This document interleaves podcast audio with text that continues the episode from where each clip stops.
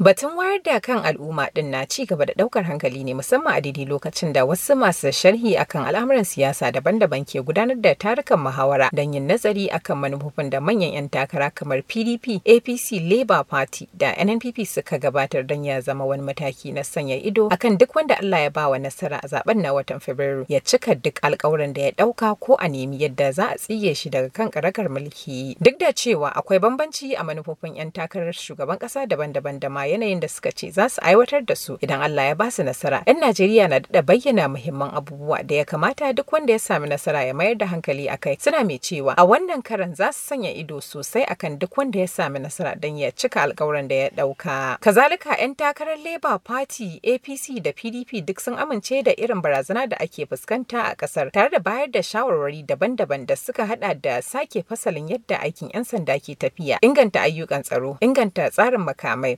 zamantakewar jama'a da ƙarfafa tattalin arziki. Comrade Salihu Dantata Mahmud mai sharhi ne akan al'amuran siyasa. In kin ka duba abubuwa ne wanda muke ganin 'yan takara na ƙasashen Birtaniya, Jamus, Amerika suke yi saboda yawanci za a zo inda an ka rali na 'yan takarkaru za su zo su tsaya su dinga faɗan manufofin su face to face wanda daga bayan sun ka ci zaɓe ba a yi. To amma kin gan kaman wannan an ka zo an ka sami wuri an ka gayyato masana da manyan mutane da matasan da mata da kowa da kowa a inda duk abin da ake gaku a gidajen talabijin da rediyo da jaridu kuna nan kuna documenting abubuwan da an ka faɗa in gobe an ka zo an ka samu nasara ba a yi ba to ana iya amfani da shi. A wani ɓangare kuma Khadija Suleiman Aliyu da ke zama ambasada a ayyukan wayar da kan 'yan ƙasa a game da manufofin 'yan takara ta ce. Farko gaskiya matakan tsaron mu da kuma farashin abubuwa gaskiya. Kin ga wani abubuwa su ne muhimmai guda biyu da mutane suke so su samu kwanciyar hankali. So da kin gan ba kwanciyar hankali ko abubuwan sun sau kuma ba za a samu a ci ba. So farko dai a fara da